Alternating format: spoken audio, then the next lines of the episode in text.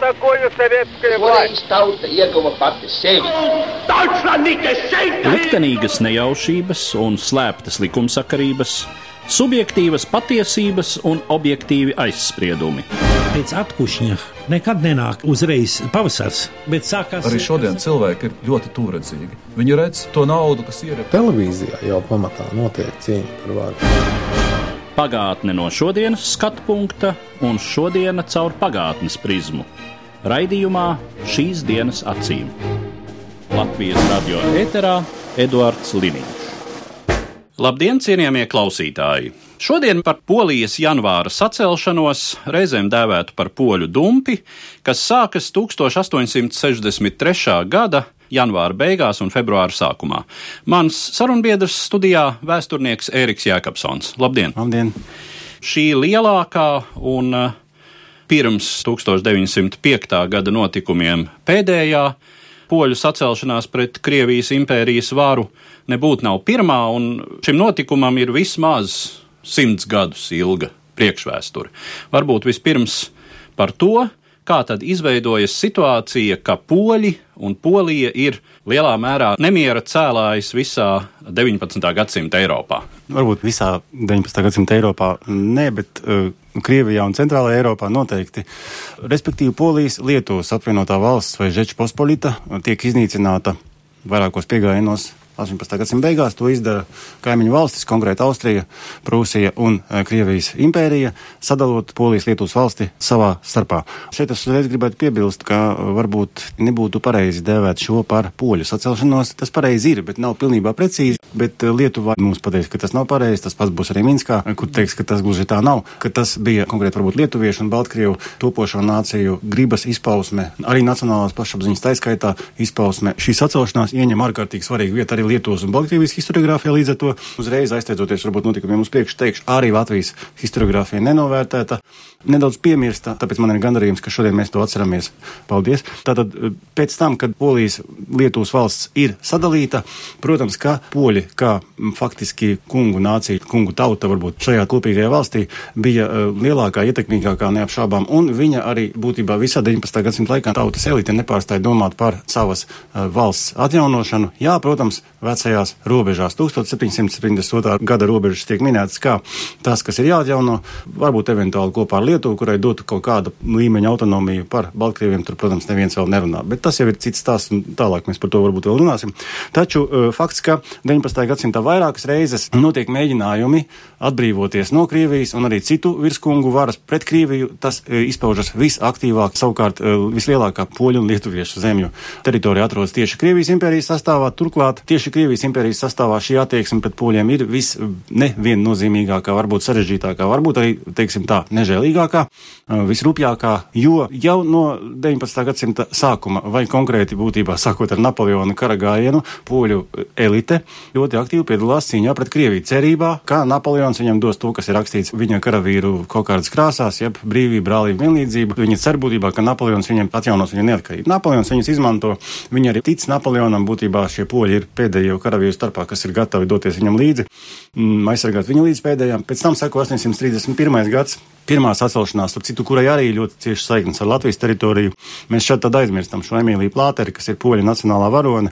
Šeit ir tas stāsts par to, ka lietuvieši, protams, viņu uzskata par savu nacionālo varoni. Nu, ja mēs ejam tālāk, tad mēs varētu teikt, ka viņa patiesībā ir no līksnes, augusi līksnā. Un, protams, ka pats uzvārds jau liecina par to, ka šī Royal Plāteru dzimtas atvasē ir no pārpoļotiem vācu mužniecības, un, ja lietuvieši viņu uzskata par lietuvieti, tad mēs arī varētu teikt, ka viņai kaut kas ir saistīts ar Latviju. To mēs vispār esam aizmirsuši. Bet es domāju, ka ir jāatcerās, ņemot vērā globalizāciju, to, ka mēs esam kaimiņu valsts un tā tālāk. Tā ir poļu žana darkiem, faktiski. Un tas bija otrs mēģinājums, un pēc tam ir šīs 863. gads, pēc kura sekos vislielākās represijas cariskās Krievijas vēsturē. Ja mēs vidusmēra latvietim, kurš ir klausījies vēstures kursu neatkarīgi kurā laikā, padomju laikā, Latvijas republikas jau laikā, pajautāsim, pret ko tika vērstas lielākās represijas. Viņš visticamāk teiks, ka pēc 1905. gada revolūcijas bija šīs represijas un cieta arī latvieši. Protams, jā, tā tas ir, bet ne tuvu. Tā kā bija uh, vislielākās politiskās represijas, bija tieši pēc šīs 1863. gada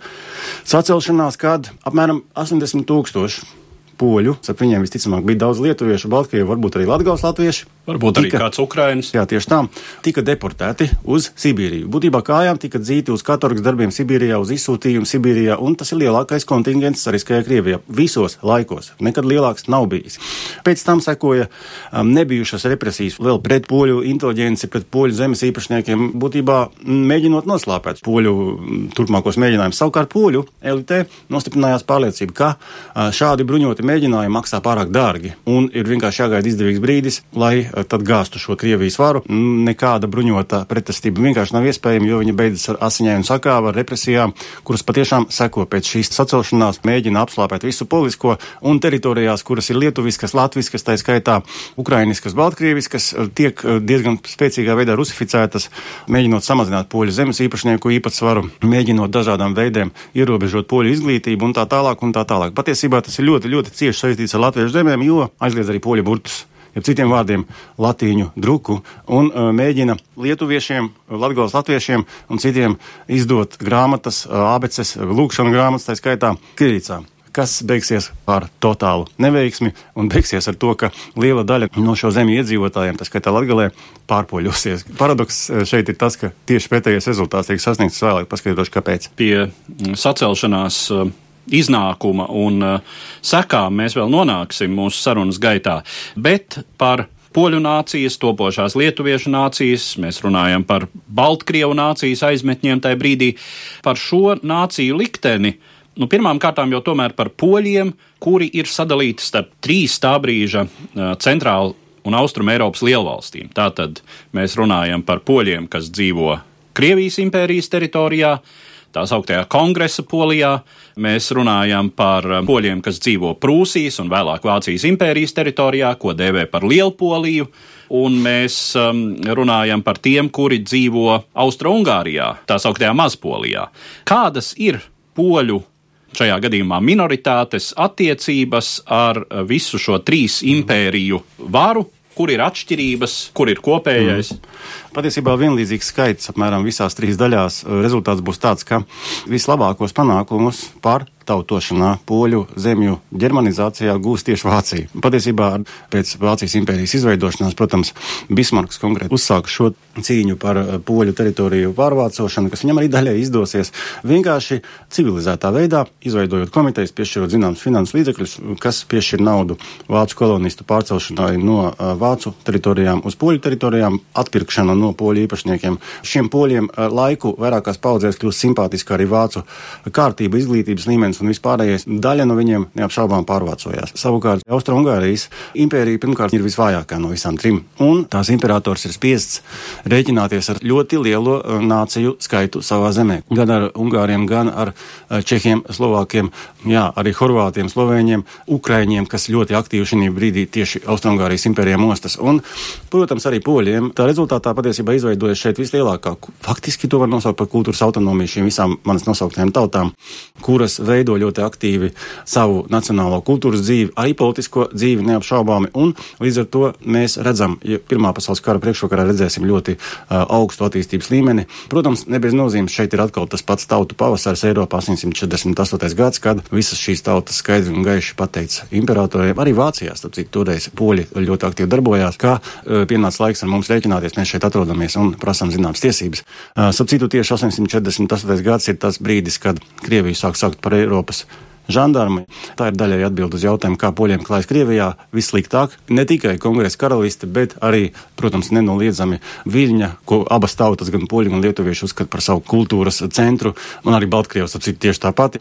Šeit mēs redzam samērā plašas teritorijas, ko apdzīvo poļi, un vēl plašākas, ko pārvalda poļu zemes īpašnieki. Joprojām 19. gadsimta beigās, neraugoties uz represijām, mēs redzam poļu zemes īpašnieku ekonomisko varu ļoti daudzās teritorijās, kas etniski nav poliskas nacionālā elite, eh, patriotiski noskaņotā nacionālā elite, tolaik varbūt labāk teiksim tā, tautas elite, nācija vēl nav izveidojusies arī poļiem, lai kā viņiem to varbūt gribētos šobrīd teikt. Tā ir tāda pati tauta, eh, kā visas pārējās, vēl neapzinās sevi zemnieks kā poli. Viņš uzskata sevi par eh, kujavu iedzīvotāju drīzāk nevis par poli, par katoli varbūt drīzāk. Tas pats būs Latvijā. Poļu elite tādā brīdī ir mužniecība. Inteliģence un mužniecība tas ir viens un tas pats ļoti bieži. Šī inteliģence, protams, ir patriotiski noskaņota no Žēča Žečpospolitas, jeb no Polijas, no viņu viedokļa. Viņi cīnās par šīs zemes atjaunošanu. Runājot par poļiem Krievijā un to situāciju, kādā tad uzliesmo 1863. gada janvāra sacelšanās, no vienas puses Krievijas impērija pārdzīvo zināmu modernizāciju tajā brīdī. Pēc sakāves Krimas karā, pēc cara žandarma Nikolai I ārkārtīgi represīvās valdīšanas, Aleksandrs II ir salīdzinoši liberālāks, uz uh, reformām orientēts, nu galu galā uh, dzimtbūšanas atcelšanas process, mm. zināma liberalizācija presē. Tātad arī Krievijā šai brīdī pūš drusku brīvāki vēji. Kāda vispār ir tā situācija? Nu, jūs jau pateicāt, patiesībā šī brīdī mēs redzam dzimbušanas atcelšanu, zināmas dažas liberalizācijas pazīmes. Jūs jau viņas minējāt. Šī Krievijas impērija arī šī laikā, nevar salīdzināt ar kaut ko tādu kā kaut vai tā pati Prūsija vai kāda cita Eiropas, centrālās rietuma Eiropas valsts, eh, šeit ir ļoti konservatīvi atpalikuši. Nozīmīgākas reformas sāksies 70. gados. No vienas puses padarīs centrālo varu stingrāku, otrkārt nedaudz liberalizēt arī šo pārstāvniecību caur pašvaldībām un vispārējo. Eh, šī brīdī vēl drīzāk tomēr nē. Tieši dzimbušanas atcelšana patiesībā bija viens no sacelšanās ieganstiem. Tas izraisīja neapmierinātību lielajos un arī netik lielajos poļu zemes īpašniekos, jo viņi uzskatīja to par mēģinājumu mēģinājumu ierobežot viņu zemes īpašuma tiesības, viņu īpašuma tiesības. Krievijas varas izstādes savukārt izdarīja lielas kļūdas attiecībā uz šo polijas karalisti, realizējot tur nekonsekventu politiku šīs dzimbušanas atcelšanas eh, realizācijā. Tas izraisīja zirgsti, ko mēs nevaram nosaukt savādāk kā par ieganstu. Tas ir iegansts, tāpat kā Gavrilo principa eh, šāviens bija ne jau iemesls, bet eh, attiecīgi tikai tāds zirgsts, kas iededzināja dzirkstēlu pulveru mucā. Sacelšanās realizētāji bija lieli mužnieki pirmkārt.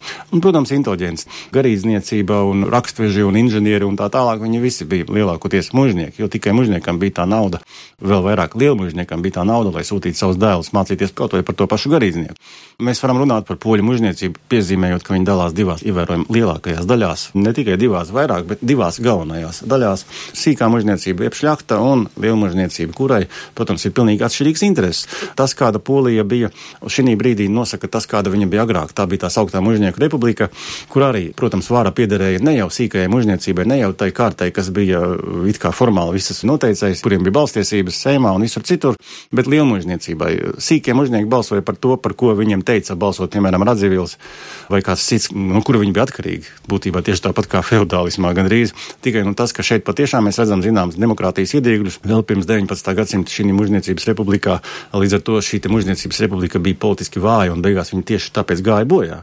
Bet tas ir, protams, tikai tāpēc, ka mužniecības kārta ir sevišķa status, un to mēs redzam arī 19. gadsimtā, arī pēc Polijas, Lietuvas vai uh, Žečpospolitas valsts iznīcināšanas. Kā tad attīstās notikumi 1863. Gada sākumā? Vai mēs varam teikt, ka šī sacelšanās uzliesmo diezgan stihiski, vai arī tomēr ir bijis pirms tam kaut kāds sagatavošanās darbs? Diezgan liela vēl bija šai polijas karalistē autonomijas pakāpe atstāta. Arī pēc 831. gada, kad tā tika ierobežota, kas ļāva sacelšanās realizētajiem vēlākajiem saulēcīgi gatavoties. Būtībā pēc 831. gada turpmākās sacelšanās idejas nebija noslāpēta tā, kā tās bija vēlāk, pēc 863. gada. Jau no 831. gada nacionālā jaunatne, virsniecība, karavīri, arī Krievijas armijas rindās dienošie, viņi gatavojas. Ja ne burtiski, tad morāli noteikti. Nevarētu nekas notikt, ja viņi nebūtu gatavojušies tam. Nebūtu ieroču, nebūtu izstrādātas schēmas, kā rīkoties un tā tālāk. Bija viņas izstrādātas. Un kāpēc tieši 1863. gada janvārs? Jau iepriekšējā gadā tur bija vairāku demonstrāciju virkne, un būtībā notikuma eskalācija, pretrunas ar vietējām varas iestādēm pie tā noveda, ka beigās izveidotā Nacionālā komiteja deva pavēlu ķerties pie ieročiem. Uz ko cerēja šie cilvēki? Tajā brīdī Krievija kam ir diezgan visu laiku saspīlētas attiecības arī ar tās um, centrāla Eiropas kaimiņiem, gan ar Prūsiju, gan ar um, Austro-Ungāriju šie Krievijas rietumu apgabali ir uh, pilni ar Krievu karaspēku. Jā. Viens, uz ko viņi cerēja, uz to, ka viņiem būs pietiekoši daudz spēka, lai uzvarētu, viņi uzskatīja, ka pievienosies visa zemniecība, visa tauta visi, kas sauc sev par poļiem vai par katoļiem, pievienosies sacelšanās realizētājiem. Tā bija viena cerība, otra bija cerība uz pasaules reakciju. Liela daļa pēc 831. gada poļu inteliģences, kas ir devusies politiskā trimdā uz rietumiem, tur arī turpina darboties šī brīdī, un viņi ļoti pamatoti cer uz to, ka uh, rietumu nosacīti demokrātiskās valstis, pirmkārt Francija, otrkārt arī Lielbritānija, atbalstīs šo eh, poļu tautas gribas izpausmi. Tiks saņemts saulēcīgs atbalsts no rietumu lielvalstīm. Aizsteidzoties notikumiem uz priekšu, neviens ne otrs nepiepildījās. Tas arī ir galvenie sacelšanās sakāvs iemesli. Un trešais faktors, protams, jūs jau minējāt, Krievijas armijas spēks, kas netika varbūt novērtēts pienācīgi. Faktiski, ja mēs skatāmies uz šo sacelšanos, tad uh, aktīvākā militārā darbība notiek 1863. gada vasarā, bet cik var spriest no tāda militārā aspekta sacelšanās organizētājiem, neizdodas faktiski tā īsti pat koncentrēt savus spēkus. Nē, protams. Šeit mēs varam runāt tīri no militārās vēstures viedokļa par būtībā par partizāņu kara metodēm. Partizāņu kara metodas, partizāņu grupējumi, kas ved partizāņu cīņu pret regulārā karaspēka daļām. Protams, ka līdz ar to arī atšķirības ir milzīgas gan bruņojumā, gan kaujaspējās. Sacelšanās dalībnieku rīcībā, protams, ir arī karavīri, bijušie karavīri, apmācītie tie karavīri pietiekoši daudz ieroču pirmajā acu uzmetienā, taču tie ir vājāki ieroči nekā regulārajām karaspēka daļām, kas ir speciāli gatavotas cīņai ar regulāru ienaidnieku. Pret partizāņiem cīnīties nu, no vienas puses ir vieglāk. Tolaik vēl partizāņu taktika nebija tik smalki izstrādāta kā otrajā pasaules karā. Mēģinājumi ar partizāņu resursiem varbūt pat cīnīties uh, regulārā karaspēka veidā, kas noved pie sakāvas. Nu, tas ir tīri no militārās vēstures. Vienlaicīgi, protams, ka šie sacelšanās uzsācēji cerēja plašu zemnieku atbalstu. Kas, kas tiešām, būtu ļoti būtiski jā, partizāņu karā. Neapšaubām, tieši tā. Partizāņu karā mm. uzvarēt nevar, jā. vai ir ļoti grūti, ja cīnās visa tauta, nu, piemērs ar Napoleonu jā, Spānijā. Protams. Bet šajā gadījumā. Šajā gadījumā viņi nesaņēma šo atbalstu, un tam iemeslam, ko ir meklējami, tanī, ka patiesībā mēs nevaram vēl runāt par poļu nāciju. Mēs nevaram runāt par lietuviešu nāciju, par latviešu nāciju šī brīdī. Viņas vienkārši nav. Ir tauta, un uh, tauta, kura mostas. Turklāt Latvijā vēl šī starpība ir starp austrumu daļu, kas ir šī brīdī poļu, zinām, mērā kontrolēts objekts, un kas ir ļoti līdzīga Lietuvai pēc tautas apziņas līmeņa, un pārējo Latviju, kas ir daudz augstāk sociālās attīstības un nacionālās pašapziņas attīstības līmenī, bet viņi nesaņem šo atbalstu. Pirmkārt tāpēc, ka um, nu, nepietiek tam zemniekam vienkārši ar to, ka viņam mužnieks, kur, ar kuru nevienmēr ir bijušas labas attiecības, visbiežāk tās ir bijušas sliktas, ņemot vērā to, ka uh, tās žeča pospolitā ar visu savu attieksmi pret zemniekiem bija otrā smagākā zimbūšanas uh, valsts centrālajā un austrumē Eiropā pēc Krievijas. Nekas labs tur nebija. Un tagad tas mužnieks, kurš aicina savus zemniekus viņam pievienoties, viņi ir pieņēmuši, to mēs ļoti labi redzēsim uz Latvijas piemēru, ka pietiks ar to, ka mēs pateiksim, jūs esat katolis, tad jūs esat poļi zemnieki. Un tāpēc jums ir jāatbalsta mani, jo es lūk cīnos par mūsu visu katoliskās valsts atjaunošanu. Bet tas ir 863. gads. Tautas zemnieka atmiņā vēl ļoti labi ir no sava vecātāva stāstītājs, piemēram, par mužnieku vecotēvu, kāds viņš bija nežēlīgs pret to manu vecotēvu, piemēram, vai ne? Viņš tagad saka, ka viņi gribētu jaunot to pašu valsts, to pašu kārtību, kāda ir bijusi. Man nepietiek ar to, ka es esmu katolis, un man tagad viņš aicina mani pret uh, ķeceriem cīnīsimies pret pareizticību. Ar to ir par maz šai brīdī. Kur. Pie kam Krievu cars tikko ir, ir atcēlis jā, tieši tā, tieši tā.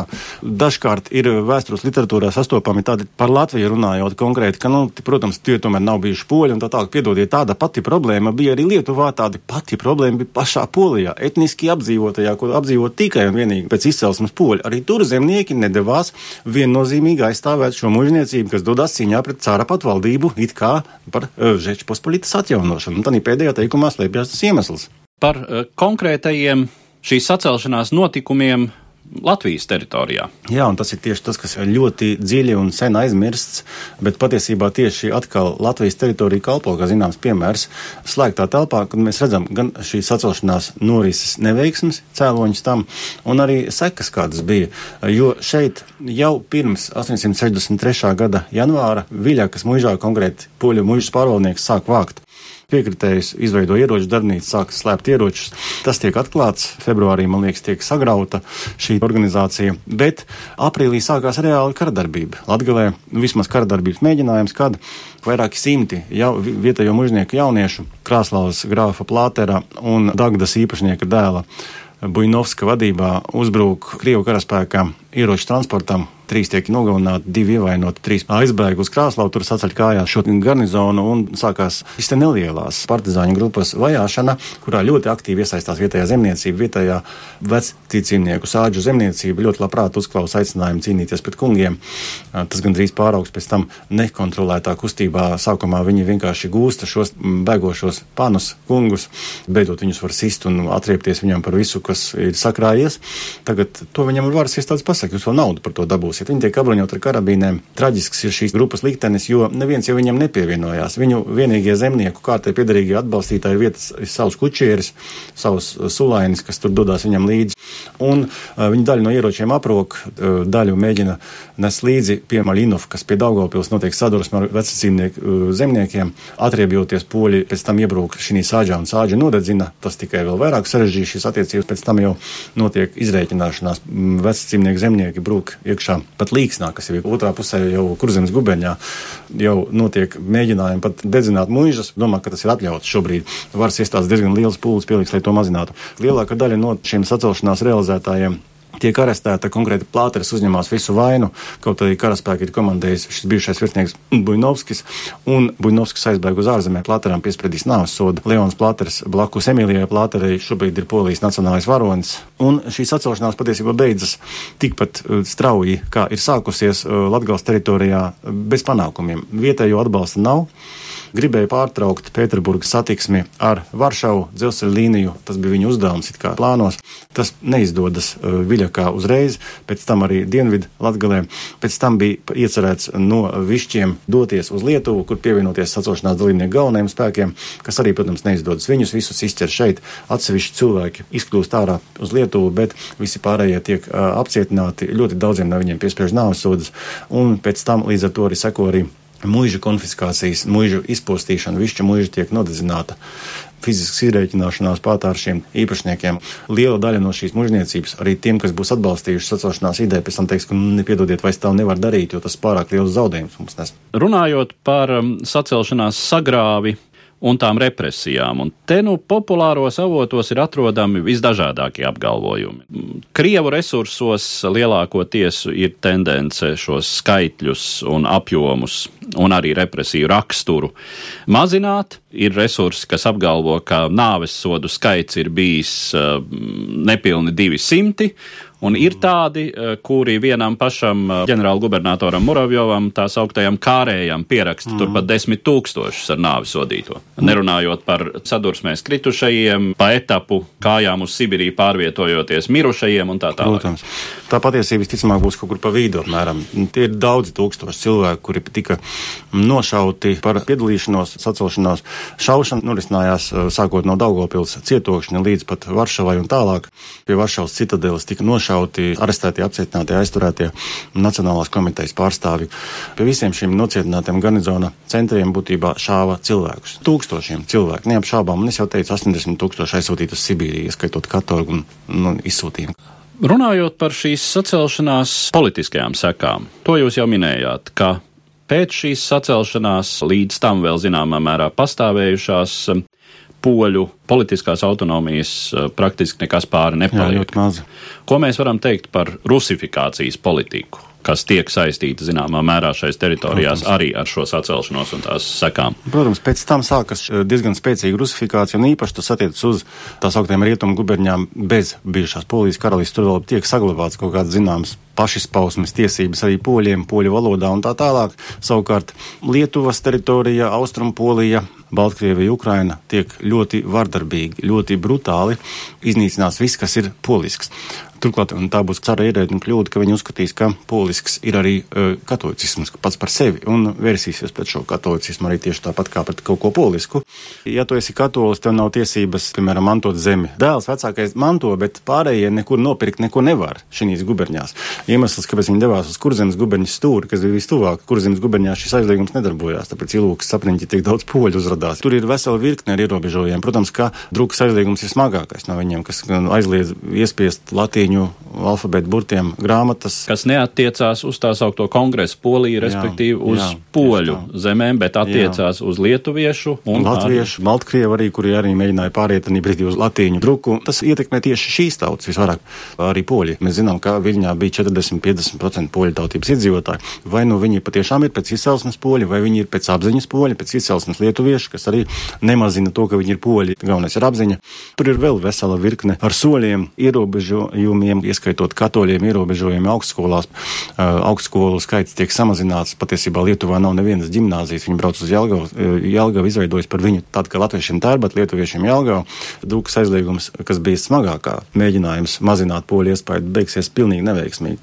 Palielinās cilvēku skaits, kas sāk atbalstīt katoļu baznīcu, būtībā kļūst poļi. Jo tie mācītāji, kas saviem bērniem saka, ka vienīgā valoda, es tagad radikalizēju, ka nu, mācītājs var pateikt, vienīgā valoda, ko Dievs saprot, ir latīņu drukā, un nu, tā ir poļu valoda.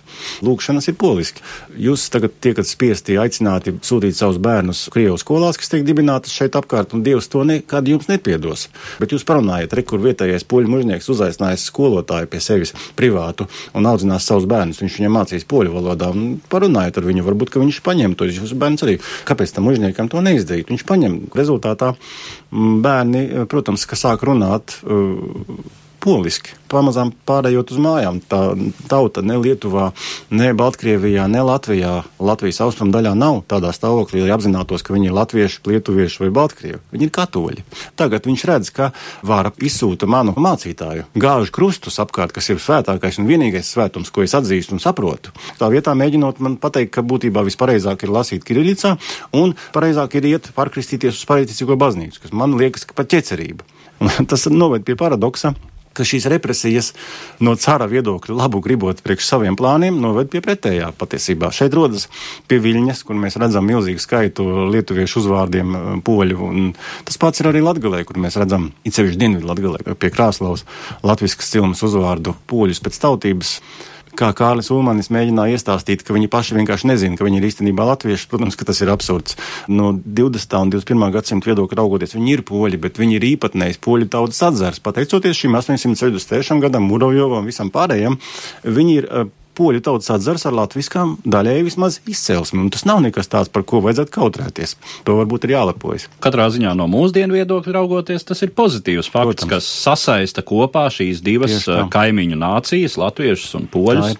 Mūsdienās šādam tiltam ir tikai un vienīgi pozitīva nozīme poļi, kurus mēs sastopam 19. gadsimta beigās, vēl 20. Jā. gadsimta pirmajā pusē, nu, piemēram, pasienē. Šie izcelsme neapšaubām latgaliski nav bijis uh, kolonizācijas masveidīga zemnieka ar zemnieku. Ieceļošanas. Nav. Ieceļoja skolotāji, ieceļoja amatnieki, atsevišķi inteliģents un tā tālāk, bet ne šādā veidā. Kā veidojas latgales latviešu situācija pēc šīs sacelšanās? Jo uz latgali arī attiec šis drukas aizliegums. Jā, tieši tā. Nu, pirmkārt, tas aizkavē protams, šo nacionālo atmodu. Tas ir tieši tas pats spoguļu attēls, tikai nedaudz mazākā apmērā kā Lietuvā. Lietuvā gan ir šī ideja, ko pauž neliela inteliģences grupa, daudz mazāk nekā latviešiem. Es nerunāju par Prūsijas lietuviešiem, es runāju par tās Krievijā esošās Lietuvas lietuviešiem. Viņu inteliģence apjoma ziņā var salīdzināt ar latgaliešu inteliģenci. Tikai tas, ka šai lietuviešu inteliģencei ir apziņa par savu bijušo valsti. Latgalēji latviešiem tā nav, un līdz ar to arī ļoti vēla atmoda.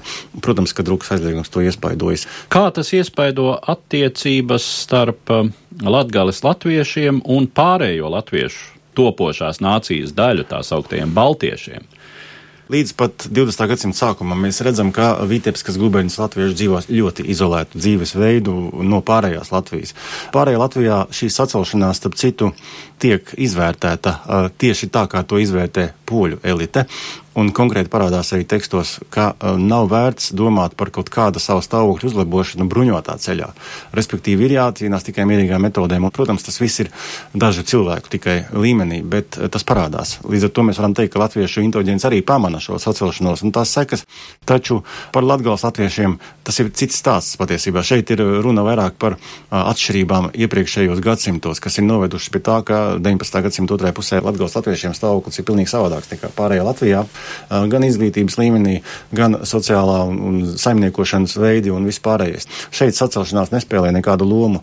Ļoti bieži uz Latvijas latviešiem skatās kaut, kā uz kaut ko tādu, kas nemaz nav latvieši. Tas ir redzams no preses. Protams, ka 19. gadsimta beigās parādīsies ar vien vairāk balss, ka tie tomēr ir latvieši, un arī viņu pašu galu galā apziņā tas sāks pamazām nobriest, bet tur būs lielas atšķirības. Šīs sacelšanās ietekme uz brīvības un nācijas eh, pašapziņas procesiem vispār Austrum Eiropā, nu, un tā skaitā Latvijā. Cik lielā mērā mēs varam teikt, ka šī poļu dumpja sētā sēkla vēlāk dīkst kā 5. gads un, nu, iespējams, tad jau kā 18. Jā. gads? Normans Deivis, kurš ir pasaules līmeņa vēsturnieks un viens no lielākajiem pasaules speciālistiem polijas vēsturē, sauc Poliju par Jēzu Kristu, kurš ir 19. Eh, gadsimtā izgājis augšām celšanās mēģinājumu ciklu, un viens no šiem cikliem, protams, ir 863. gads, pēc tam būs 905. Viņš saka, ka tas ir posms sacelšanās ķēdē, un bez šiem posmiem nebūtu neatkarīgas polijas. Protams, ka tas iespaido visas Austrumē Eiropas, centrālās Eiropas vēsturi, tautu atbrīvošanās kustību. Poļi tiek uzskatīti par līderiem šī ziņā 19. gadsimta aktuālās situācijas dēļ, un līdz ar to šī 863. gada sacelšanās patiešām visā citu tautu patriotiskajā literatūrā tiek minēta kā piemērs. Es jau teicu par latviešiem arī šeit neapšaubām tiek pozitīvi vērtēts pats fakts kā tāds, nu, slēpti pozitīvi, savādāk nevarēja, bet tomēr piesardzīgi. No nu, Latvijas viedokļa skatoties, nevaram teikt, ka tie bija arī latviešu tautas mērķi 863. gadā, jo lielmužniecības varas atjaunošana nekādi nevarēja būt latviešu tautas interesēs. Taču vienlaicīgi mums ir jāatzīst, ka tas ir neapšaubām ķēdes posms visu tautu atbrīvošanās kustībā. Ar šādu secinājumu tad es arī noslēdzu mūsu šodienas sarunu, kas bija veltīta 1863. gada janvāra sacelšanās notikumiem Polijā un saku paldies manam sarunbiedram, vēsturniekam Ērikam Jēkabsonam. Paldies. Par pagātni sarunājas Eduards Liniņš.